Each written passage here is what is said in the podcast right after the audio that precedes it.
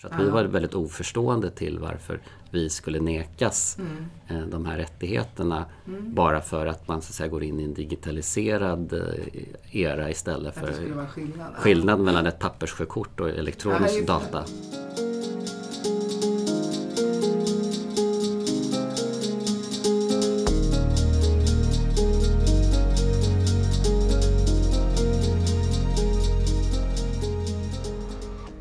Hej och välkomna till Utrikeshandelspodden, en samtalspodd från Kommerskollegium, Sveriges myndighet för utrikeshandel, EUs inre marknad och handelspolitik. Jag heter Alexander Hernadi och är kommunikationsansvarig här på Kommerskollegium. I den här poddserien vrider vi och vänder på de frågor som vi arbetar med här på kollegiet. Vi pratar om vad vi gör, hur vi gör det och ganska mycket om varför i relation till omvärlden. Globaliseringen, digitaliseringen och allt annat som händer just nu.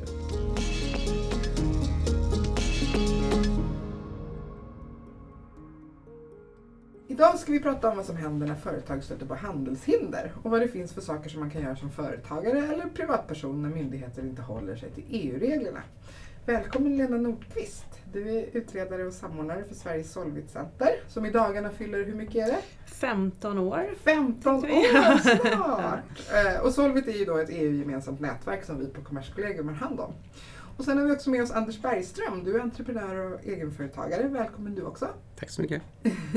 Lena, jag tänkte, ska vi börja med dig? Vad, vad är Solvit? Vad kan Solvit hjälpa till med och hur funkar det?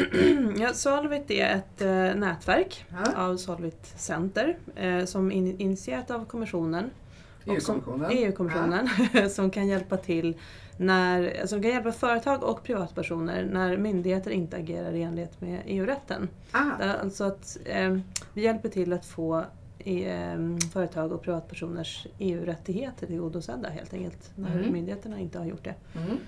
Och det är kostnadsfritt för den som använder det så det är en, en, en tjänst som finns som Kommissionen ansåg att den behövdes vid sidan om eh, det vanliga överträdelseförfarandet som Mhm. annars finns att tillgå då om man, om man stöter på EU-rättsproblem. Mm. Vad är det ni kan göra för att hjälpa då? När du säger hjälper, vad menar du då? Ehm, ja, vi kan alltså, om det är en myndighet som har fattat ett beslut som ehm, ett företag eller en privatperson tycker att det här känns inte riktigt eh, korrekt Mm.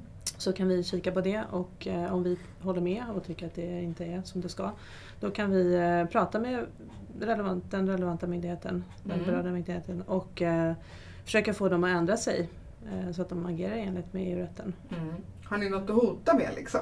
Ja, vi, alltså, ja vi, men vi är ju kommissionsbaserade eller man ska Ja. säga. Det är kommissionen som har initierat Solvit Ja. och eh, det bygger egentligen på en rekommendation och frivilligt i alla medlemsstater men alla medlemsstater har ett Solvit-center Mm. och vi är ju råddade av kommissionen. Vi har dessutom en databas som vi arbetar i som ehm, kommissionen har insyn i såklart. Mm. Och vi kan också eh, fråga kommissionen om råd i olika ärenden. Både för att komma överens med andra Solvit Center men också för att komma Mm. vidare med tolkningar och, Mm.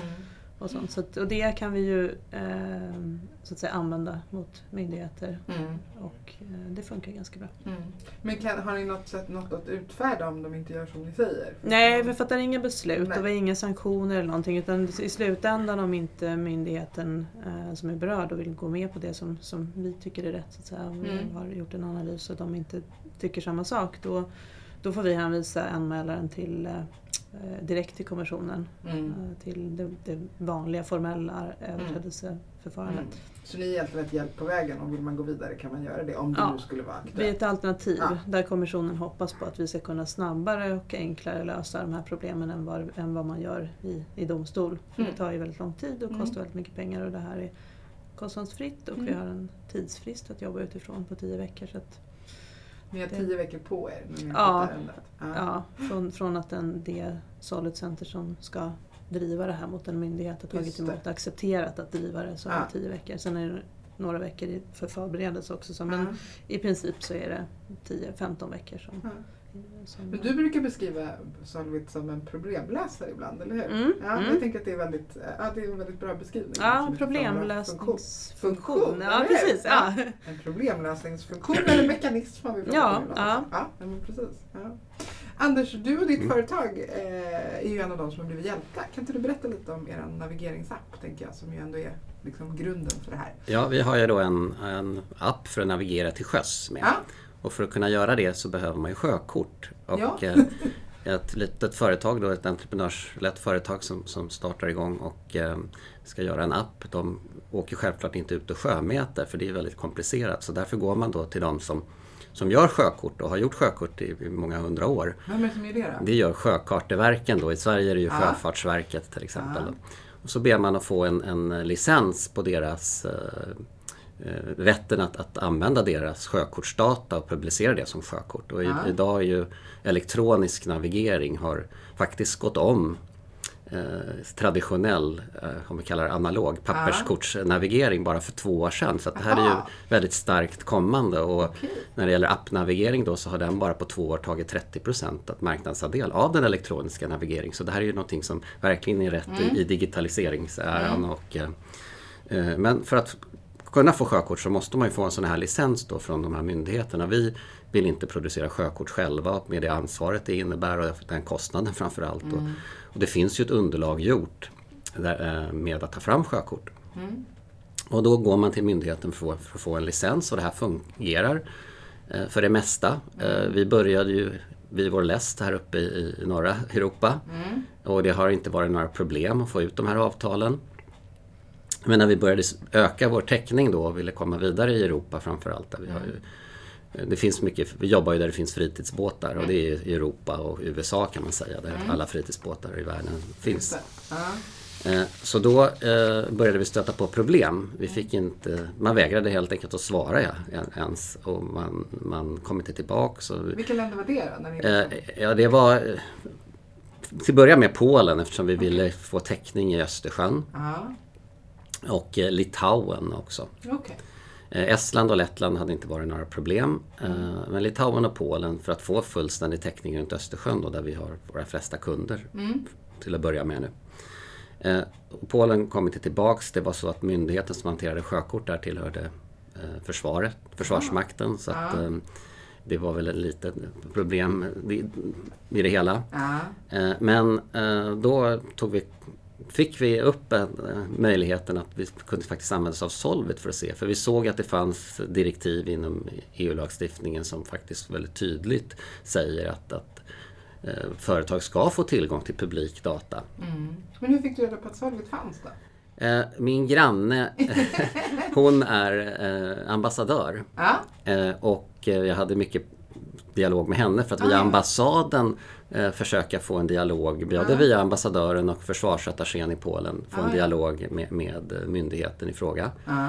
Eh, De vill inte, de skickade tyvärr över oss hela tiden till, till Business Sweden då som Jaha. då ska ha betalt för att göra, Ja, eh, lösa Ja. problemen. Eh, eh, Så att då föreslog hon Solvit faktiskt. Okej. Så Och var så så fick, kom jag i kontakt med Solvit och, och då satte vi igång ett case. Eh, Det var ju inte så egentligen att Polen rent ut, de vägrade ju inte att lämna ut eh, datat men de kom bara inte tillbaks och gav oss inga Mm. Ni fick avtal. ingen återkoppling? Vi fick ingen nej, återkoppling. jag förstår. och, eh, ja. I, några andra fall här som vi kom in på senare då, som i, Spanien till exempel, där Ja. vägrade man. Jaha, att- med att- hänvisning till vadå? Något, typ. Ja, det var lite också där. Det var tillhörde även i Spanien då eh, sjökartproduktion Ah, ja, tillhörde Ah. Försvarsmakten. Ja, Eh, okej. Så att eh, det var väl lite ur det perspektivet. Och Ah, man, man ansåg att, att datat, om det, om det kom i orätta händer så kunde det spridas. Ja, Och. Men det har ju alla andra löst med avtals, eh, i avtalsform. Och, och det är man ju väldigt noggrann med att se till att inte det där datat kan... Man krypterar datat och man hanterar det i egna format som det går liksom inte bara att, att använda det sen. nej, just det. Ja. Men, men så i det polska fallet så satte vi igång med Solvit och det, Mm. det mm, tog lite längre tid än de här tio veckorna. Mm. Eh, vilket, eh, men då fick vi ändå signaler om att eh, det, det här kommer nog att gå vägen. Mm. Så att ärendet fortsatte att drivas. Och, eh, nu har vi ett avtal och eh, vi har väldigt bra polska sjökort. Jag var där själv och seglade förra sommaren. det funkade. Det funkade. Ja, eh, och, ehm, Ja. så att, ehm, och- det är för deras egen del också kanske. De har en fantastisk eh, kuststräcka med otroliga sandstränder och fina hamnar som har fått Ja. väldigt mycket EU-pengar just för Ja. att byggas upp. Just det. Så att, att varför ska man inte då se till att man har access till- till dem för turister och sådana kan saker. navigera. Man kan, och det är ju Ja. liksom en förutsättning för båtar att komma dit att det finns bra sjökort. Ja, men precis. Ja men Lena, ni fick det här på ert bord. Vad Mm. hände? Hur- vad hände Eh, nej, men då anmäldes det här i databasen? Mm.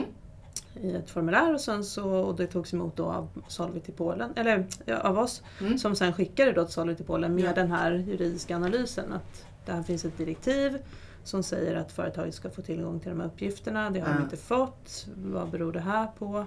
Eh, Det ska ske skyndsamt. Mm. Jag vet inte exakt tidsfristerna men det här ska ju gå fort Mm. och det hade det verkligen inte gjort i Polen. Mm. Eh, Så det här var ju typiskt sånt ärende av eh, påskyndande av förvaltningsprocess egentligen. Ja, Där då Polen hänvisade till att de hade krångliga administrativa procedurer för det här och då menade vi att men det ska det inte vara för att det här ska vara enkelt. Ja. Ehm, sen tog det ju som sagt ett tag i alla fall men Mm. vi var ju på, låg ju på dem då från Solits sida. Och i det här fallet då, när det mm, då är det alltså Solit i Polen som, som är de som har direktkontakter med Ja. sina myndigheter, med oss liksom som en, en blåslampa då. Det. Ja. Eh, så att, ja och till slut så, eh, så lyckades de få alla, alla administrativa Mm. beslut på plats Mm. som de skulle ha. Mm. Eh, Men det här betyder, betyder ju också att de har ju då gått igenom ett sånt här ärende nu och jag antar att de har de vet med sig det här till nästa Mm. gång så att förhoppningsvis så, så kan ju ett sånt här ärende underlätta för nästa som vill ha ut andra uppgifter Mm. och andra slag som, som man ska... Är det ofta så ni tänker från Solvets sida att liksom, någonting som hamnar på ert bord kan luckra upp och göra så att det blir lättare? Man hoppas ju andra. det i den Ja. mån det är samma, åtminstone sam, samma myndighet, samma, i bästa fall samma personer men att Mm. man, de, man sätter upp en sån här, för det här kan ju också handla om att myndigheten har inte tänkt på Nej, Det det. här eh, direktivet är inte purfärskt men det är i alla fall så fort det kommer en ny bestämmelse så kan det ju vara så att man har, har inte koll på det här riktigt. Mm. är Det har vi inte ens i Sverige kan jag säga riktigt Nej, fullt ut. Så att, nej. eh, Nej, vi- men man har inte tänkt på liksom och då, och då handlar det ju mycket om att man får upp ögonen för det som myndighet och jag Mm. inbillar mig i alla fall, möjligen naivt, att, att det hjälper då att man har liksom, ja just det, det här. Men det, det, skulle, det har ju vi ett konkret exempel på det att det faktiskt gjorde därför att vi Mm. fortsatte ju sen längre söder eh, Men det var det ut i tänkte, ni måste Europa. ha tagit er vidare. Ja, eh, Portugal och, och Spanien då där vi fick Ja. ett, ett, ett blankt nej. Just det. Eh, Grekland också. Eh, Gre- både i Portugal och Grekland gjorde vi ju också anmälningar. Mm. Eh, men vi behövde, de, i Portugal tror jag ni satte igång en process också. Mm, Eh, och, och, och där kom man mycket snabbare. Att, då insåg man ju förmodligen att det fanns case som Ja. visade på att det här kommer vi inte ur. Nej. Så vi fick ett avtal i Portugal också och Ja. har idag portugisiska sjökort. Eh, i. Grek, I Grekland, om vi tar de enkla casen Ja, först. Ja. så, så, så eh, sa vi till dem att nu har vi gjort en Solvit-anmälan och då kom avtalet. Aha. Ehm, Så och, och så nu bra har vi ett avtal i Grekland också. Ja. Och eh, Spanien är, var ju då lite mer komplext. Eh, där fick vi inte eh, där, fick vi nog inte nej, de vägrade. Okej. Eh, och då gjorde vi faktiskt en anmälan till kommissionen. Det finns faktiskt Mm. ett sätt då, som inte heller kostar någonting men där man liksom går vidare och talar om att Solvit har inte lyckats lösa det här. Det. Eh, och då, då gjorde vi den eh, anmälan och sen Ja. så um, tog det ett tag. Eh, och eh, den här veckan lanserar vi spanska sjökort. Jaha! Faktiskt, så det, den här Ja, veckan så det, är- det är roligt. Ja. Men vad var liksom svaret från spanskt håll då? Var det ur ett liksom säkerhetsperspektiv? Och så? Ja, de menade att ut? de inte hade koll på processen att, att, eh, att datat blev skyddat. Okej. Men sen i slutändan så la spanska myndigheter det här på, på engelska myndigheter. Så de använder England idag som distributör av, av sitt data. Och Jaha. de hänvisade då till ett avtal som ännu inte var färdigt med England. Mm. Eh, och det, det, det drog ut på tiden Mm. och det här ansåg vi från Solits sida att det här är ingen ursäkt för att Nej. man ska, inte ska lämna ut uppgifterna. Och till slut då i oktober tror jag förra året så, så kom det där avtalet på plats. Och då, Mm. och då, och hade de ju lite det här, framförallt det portugisiska Solvit-ärendet Mm. i, i bakhuvudet. Jag Mm. vet ju det när jag pratade med min, min spanska kollega då att det här, Mm. De var ju lite stressade över det här. Mm. Och mm, hon som Solvit medarbetare såklart olycklig över att de inte hade lyckats lösa det. Men, Ja. men eh, det, till slut så... Men det låter lite som ett dominospel så här mer på kontinenten. Ja. Där man bara så här, Men ja. alltså det, det funkade ju faktiskt ganska oklanderligt Ja. här uppe i norra Europa. Ja, ja. Och processen fanns faktiskt sedan innan det här Ja. EU-direktivet här uppe. Men, men, så att det, det där är ju en harmonisering som, Mm. som där Solvit känner jag verkligen Mm. har hjälpt till. Och det, Mm. det är ju bara här ett litet ärende men jag Mm. tror det finns säkert många andra saker som också skulle kunna behöva. Mm. Ja, och fördelen är ju att det här, är, i och med att vi är kommissionsbaserade Mm. då, och vi bollar ju de här ärendena med kommissionen på olika, på olika stadier på olika sätt. Och i flera av de här så, så frågade vi dem konkret hur, hur, hur ligger det här till egentligen? Mm. Ska man, Ehm, och det gör ju att kommissionen också är medveten om att det här direktivet är problematiskt och får, Mm. då får de upp ögonen för Just att det. det, liksom, det här är någonting som man kanske får. Så att det är ju jättebra att vi har den här kedjan av, Ja. för det är ett ganska viktigt direktiv Ja. eh, ju för många företag tror jag. Ja. Men finns det några länder, eh, ligger någonting och väntar i några andra länder som det ser ut nu eller?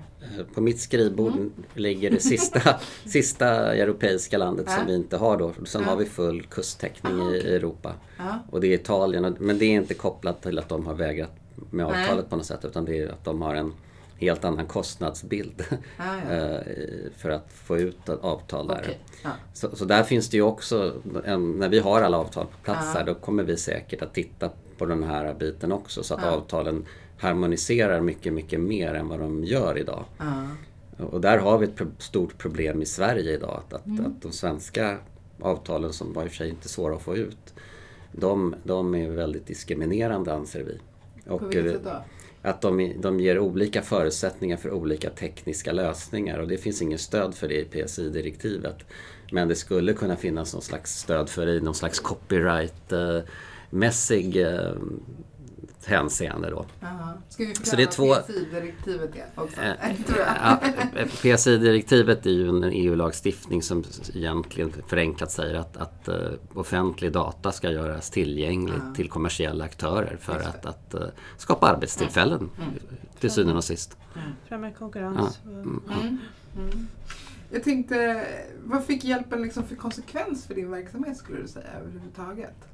Ja, att vi, att vi kunde faktiskt börja konkurrera eh, på, på lika villkor med några andra aktörer på marknaden som har, har haft den här täckningen i, sedan, sedan flera år. Så att vi Ja. var väldigt oförstående till varför vi skulle nekas Mm.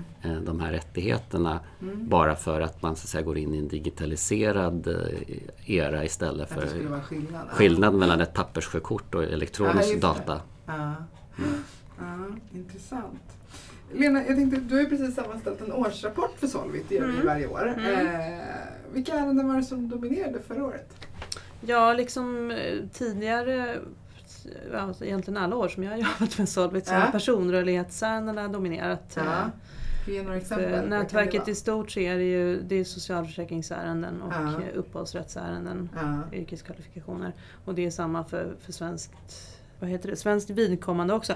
Att eh, vi har många ärenden som handlar om socialförsäkring, Ja. upphovsrätt, folk Att som man inte har fått rätt till det som man Ja, att man, ja, framförallt när det gäller uppehålls, uppehållskort ska jag säga. För det Ja. är, handlar egentligen om tredjelandsmedborgare som kommer hit eh, tillsammans med sina EU-medborgarpartners Mm. och vill ha uppehållskort. Och det tar Mm. väldigt lång tid att få det Mm. utfärdat. Uppehållsrätt i sig behöver man inte registrera som EU-medborgare så det är inget problem. Men, men framförallt den stora gruppen ärenden som vi har haft handlar om svårigheten att få personnummer i Sverige. Mm.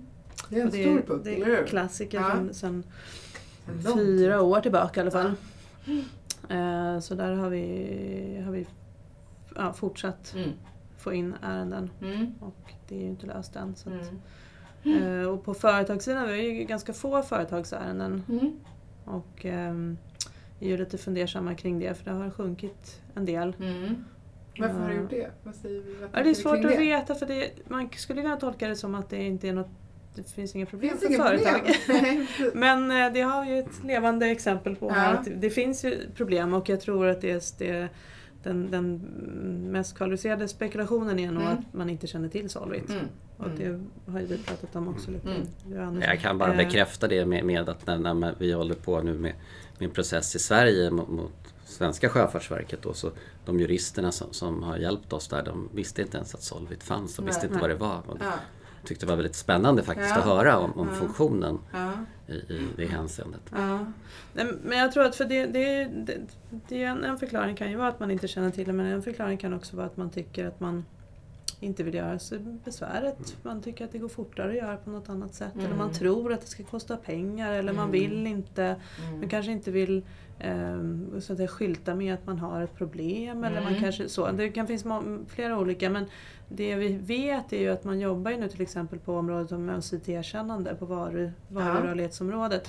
ehm, för att stärka principen om ömsesidigt erkännande och det gör man ju inte bara för att man tycker att det är roligt utan det är ju för att man, man har sett att det kanske inte fungerar. Och det i sig säger då att då sitter det ju en massa företag som skulle Mm. behöva hjälp med det. Mm. Till exempel från Solvit. Mm. Så att vi, eh, vi är ju lite mm, eh, hela tiden intresserade av att försöka locka till oss de här företagen som Mm. vi tror att vi skulle kunna hjälpa. Mm. Men hade du några betänkligheter när du funderade på att ta den här hjälpen då? Utifrån liksom hur det uppfattas att ni behöver juridisk hjälp kring att komma framåt i den här frågan till exempel? Inte efter jag hade fått förklarat vad, vad det var för Nej, någonting. nej. Absolut inte. Snarare tvärtom. Mm. Eh, Mm. utan då framstod det som ett väl, en väldigt bra lösning faktiskt Mm. för våra behov. Mm. Mm. Eh, så att, så att den, den, den frågeställningen var, var inte så svår att, Nej. att lösa faktiskt. Nej. Utan det var ju att, att man fick kännedom om det här och började liksom titta vad är det för något och när man såg då vad det var Ja. så, så var det ju bara, nej då var det bara att åka. Ja. Jag, jag tänkte jag kan bara tillägga också, Ja. en, annan, en annan synpunkt som jag har hört från företag är ju att man tycker att Solvit inte riktigt har tänder nog att göra någonting Mm. för var det vi pratade om, Ja. vapen. Precis. Ja. Ehm, och, och det är klart att så kan man ju tänka att Mm. det är ett informellt Mm. verktyg, en informell funktion som bara pratar sig till lösningar. Vad, vad kan en sån göra? Men Mm. då är det ju, vi har ju trots allt kommissionen i ryggen Mm. hela tiden. Och ehm, om man ser till lösningsprocenten, alltså hur, hur det har gått för Ja. Solvit i företagsärenden så är den ganska hög när det gäller just företag. Jag tror Mm. att förra året så jag tror att 80% av de företagsärenden som faktiskt kom in till Solvit fick ändå en lösning. Ja. Eh, Så det finns ju mm, det finns ju anledning att omvärdera det Ja. som företag, att, att Solvit inte skulle kunna göra någonting för det, det är inte riktigt så. Mm. Jag tänkte på den fria rörligheten överlag är ju rätt omdiskuterad just nu. Jag tänker till exempel på Brexit och så. Det finns en del symbolfrågor som är olösta. Men visst kan man se Solvit lite som ett lackmuspapper på den inre marknaden och hur den funkar? Mm, absolut. Mm. absolut. Sen är det, ju möjligen så att vi, vi får ju inte in alla Nej, problem, så vi såklart. ser ju inte allt. Nej. Men, men det är klart att eh, det, det, det speglar ju, man ser ju på den här uppdelningen då på ärenden, så personrörlighetsärenden är ju problematisk därför att det är en svår lagstiftning Mm. som, som det bygger på. Alltså Mm. samordningsreglerna kring socialförsäkring till exempel är jättekrångliga. Mm. Så det är inte så konstigt att det är mycket problem där. Och Mm. upphovsrättsfrågan är ju också det direktivet som, som finns är ett av de mm, sämst implementerade tror jag, Mm. av, av eh, direktiv på det området. Så det är Eh, inte så konstigt. så det, nej, och det är ju klart att då, då blir det diskrepanser i Mm. och det kan också vara så att det är där det finns käns, känslighet kanske hos Mm. medlemsstaten. Att man liksom helt, helt enkelt, Mm. jag ska inte säga att man gör fel med flit, men att man liksom, ja, eh, att det flyter inte på Mm. lika bra. Så där, där finns det ju anledning att, att, att, hå- att hålla ögonen på. Det gör Mm. man ju då eftersom man ser, man ser de här problemen i Solvit. Mm. Men, men, eh, men, men det är ju lite missvisande så tillvidare just det som vi pratade om alldeles Mm. nyss. att Det ser ju ut som att företag inte har några problem därför att Mm. vi får ingen sådana ärenden. Och det, jag tror inte riktigt på det. Jag tror Nej. att det finns, finns ärenden som vi skulle kunna ta tag i. Ja. Så att det är inte, det är inte helt... ehm, det säger ju inte exakt Nej. vad, Ja. Det är som en problemet fingervisning finns. Ja, Ja. Så. Men, men det är ju en, en ovärderlig källa för Ja. oss som jobbar med inre marknadsarbete. Och se liksom i Solid vad är det vi ska liksom just hålla Mm. ögonen på. Vad är det som, som är, är, är Mm. någonting att, att jobba med. Mm. Anders, jag tänker, du är ju entreprenör. Hur tycker du att den inre marknaden funkar utifrån det, de, det företag du driver och den verksamhet du har?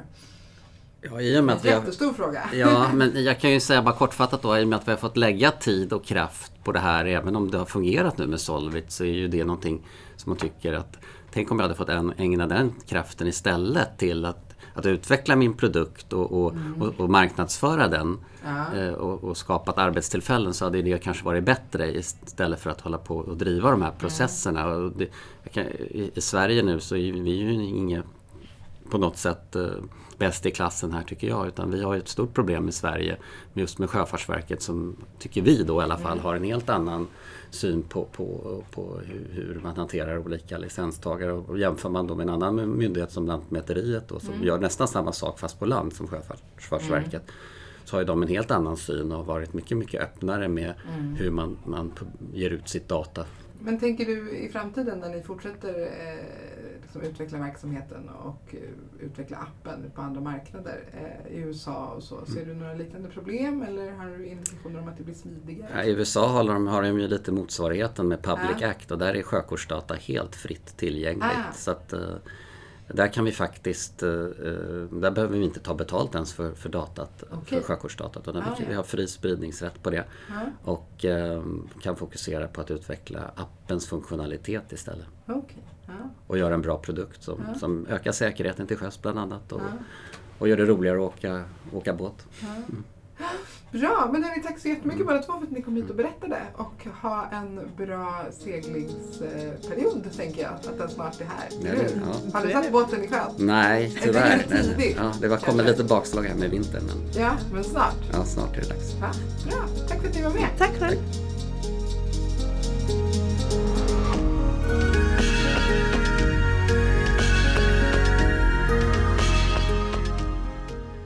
Har lyssnat på Utrikeshandelspodden, en podd från Kommerskollegium.